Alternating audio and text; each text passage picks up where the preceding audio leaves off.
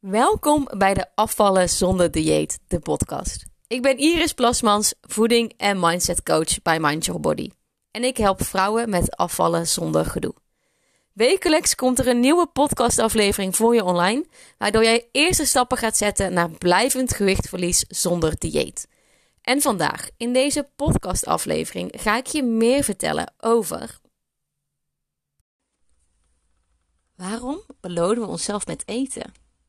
En hoe heeft dit eigenlijk te maken met onze zoektocht naar blijvend gewichtsverlies? Vandaag gaan we dieper in op de psychologie achter dit gedrag en ontdekken we hoe je dit kunt begrijpen en aanpakken zonder je toevlucht te nemen tot een dieet. Dus laten we snel beginnen. Allereerst, waarom belonen we onszelf met eten? Het is de vraag die velen onszelf hebben gesteld. En ik vroeg ook. Ik dacht echt, ik ben er helemaal klaar mee. Waarom grijp ik elke keer naar eten als ik verdrietig, boos of blij ben? Ik dacht, ik ga alleen eten functioneel zien. Maar ja, dat is natuurlijk ook niet de oplossing. Want denk er eens eens over na. Hoe vaak heb je jezelf getrakteerd op een ijsje, een stuk taart of een zak chips als beloning voor een prestatie? Of zelfs als troost na een moeilijke dag? Het lijkt alsof eten vaak een emotionele functie vervult naast de fysieke noodzaak. Nou, laten we beginnen met het bekijken van een situatie die we allemaal herkennen. Stel je voor dat je een drukke week hebt gehad op het werk. Je hebt deadlines gehaald, vergaderingen bijgewoond en je hebt alle taken afgerond. Nu, aan het eind van de week, denk je: Nou, ik heb dit wel verdiend. En je gaat jezelf tracteren op je lievelingssnack. Op die krokie paprika chips, een bak ijs. Het maakt niet uit. Maar herken je die gedachte? Het idee dat je eten verdient als beloning voor het harde werken? Dit gedragspatroon is diep geworteld in onze cultuur. En kan ons onbewust beïnvloeden in onze relatie met eten. Maar er is ook een andere kant van de medaille troostvoedsel. Stel je voor dat je een stressvolle dag hebt gehad en je voelt je overweldigd. Wat doe je dan? Je grijpt naar je favoriete comfortfood, misschien wel chocolade, een ijsje of een pizza. Om jezelf te kalmeren en je beter te voelen. Dan hoef je niet te koken, snel die pizza in de oven, dan voel je je snel beter. Heb je dit gedrag wel eens bij jezelf opgemerkt? Het idee dat eten je troost biedt is in moeilijke tijden. Dit is waar het verband tussen emoties en voeding echt duidelijk wordt. En voor veel mensen kan dit de reden zijn dat het bereiken van je ideale gewicht verder weg lijkt dan ooit. Maar dit heeft allemaal een achterliggende oorzaak van dit gedrag, waarom we dus ook eten niet functioneel kunnen zien. Want waarom belonen we onszelf dan met eten? Vaak is dit gedrag gekoppeld aan conditionering. En conditionering is een ander woord voor hoe wij de wereld bekijken, zien en ervaren. Dus eigenlijk wat wij zien als waarheid. En dit heeft alweer allemaal te maken met onze opvoeding. Van onze ouders, van onze docenten uh, en ook alle mensen die dichtbij je staan. Want stel je voor dat je als kind beloond werd met een ijsje als je iets goed deed.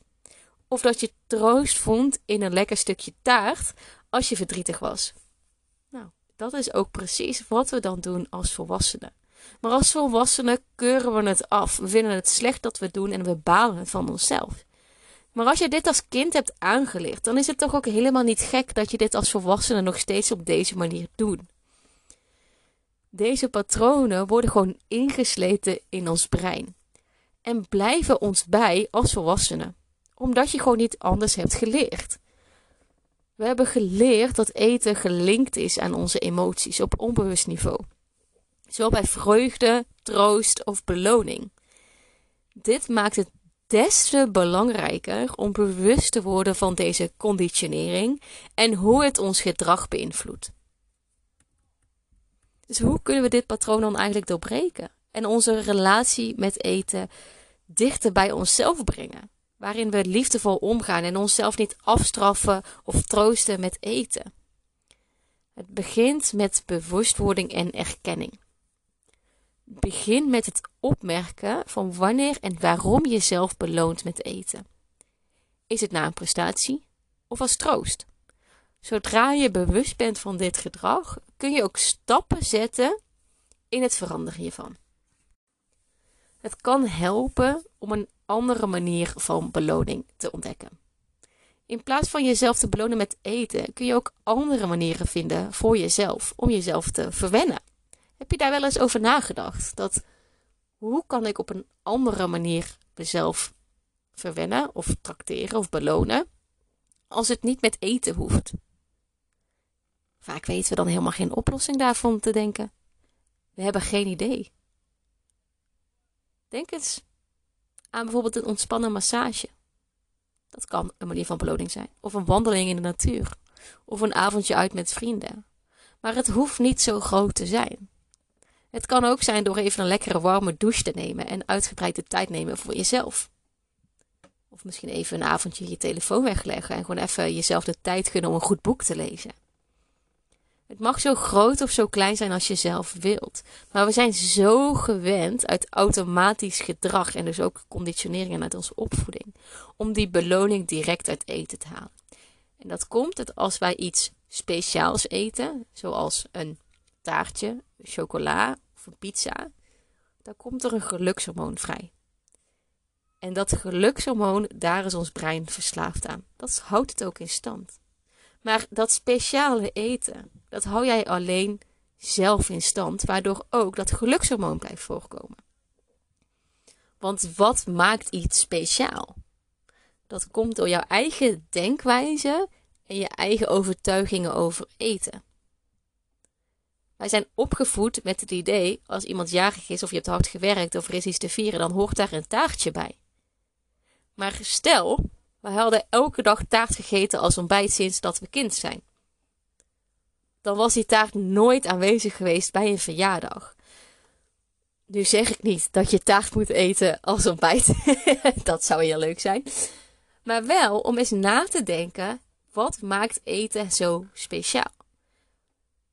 Vaak komt het ook door regels die we onszelf hebben opgelegd, of de dieetwereld ons heeft opgelegd, door producten die we niet mogen hebben. Dat maakt het product direct speciaal en zorgt dus voor dat gelukshormoon dat vrijkomt. Maar het gelukshormoon kan je dus ook op andere manieren ontdekken, maar dat zijn we dus niet gewend. Dus ga jezelf eens uitdagen om eens je op een andere manier te belonen dan eten. En ga eens voor jezelf na, wat is voor mij beloningseten en hoe is dat ontstaan? Is dat omdat je dat misschien vroeger kreeg als kind? Of is dat omdat je dat voedingsproduct niet van jezelf mag? En door daar andere overtuigingen en gedachtegangen over te creëren, zul je ook merken dat je anders gaat handelen. Maar laten we ook niet vergeten het belang van het herkennen en verwerken van emoties, zonder onze toevlucht te nemen in tot eten. Want als je je verdrietig, gestrest of boos voelt, probeer dan eens een andere manier te vinden om met die emoties om te gaan zonder jezelf te belonen met voedsel. Emotie eten is namelijk pleisters plakken. Op die manier hoef je namelijk even niet te voelen. Je voelt je even kortstondig gelukkig. Maar zodra je snack op is, krijg je die emoties twee keer zo hard terug. Hoe je met een andere manier emoties om kan gaan, dat kan variëren van meditaties tot journalen of praten met een vriendin. De emotie mag letterlijk uit je lichaam gaan. En alleen dan ga je niet pleisters plakken. Dus waarom belonen we onszelf met eten? Het is dus een diep ingebakend patroon dat gebaseerd is op conditionering en emoties. Maar nu je bewust bent van dit patroon, kan je ook stappen zetten om het doorbreken en een gezonde relatie met eten te ontwikkelen. Onthoud dat blijvend gewichtverlies gaat over meer dan alleen diëten of opgelegde eetregels of überhaupt wat je eet. Het gaat over het begrijpen en transformeren van ons gedrag, denkwijze en onze gedachtegang. Om weer grip te krijgen op die emoties, zodat je niet meer hoeft te vluchten in eten. Vond je deze podcastaflevering interessant en ben je benieuwd naar meer? Beluister dan ook zeker alle andere afleveringen. En vergeet niet om deze podcastserie te volgen, zodat jij als eerste een melding krijgt zodra een nieuwe aflevering online staat. En dan hoor je me weer volgende week bij de volgende aflevering. Houdoe!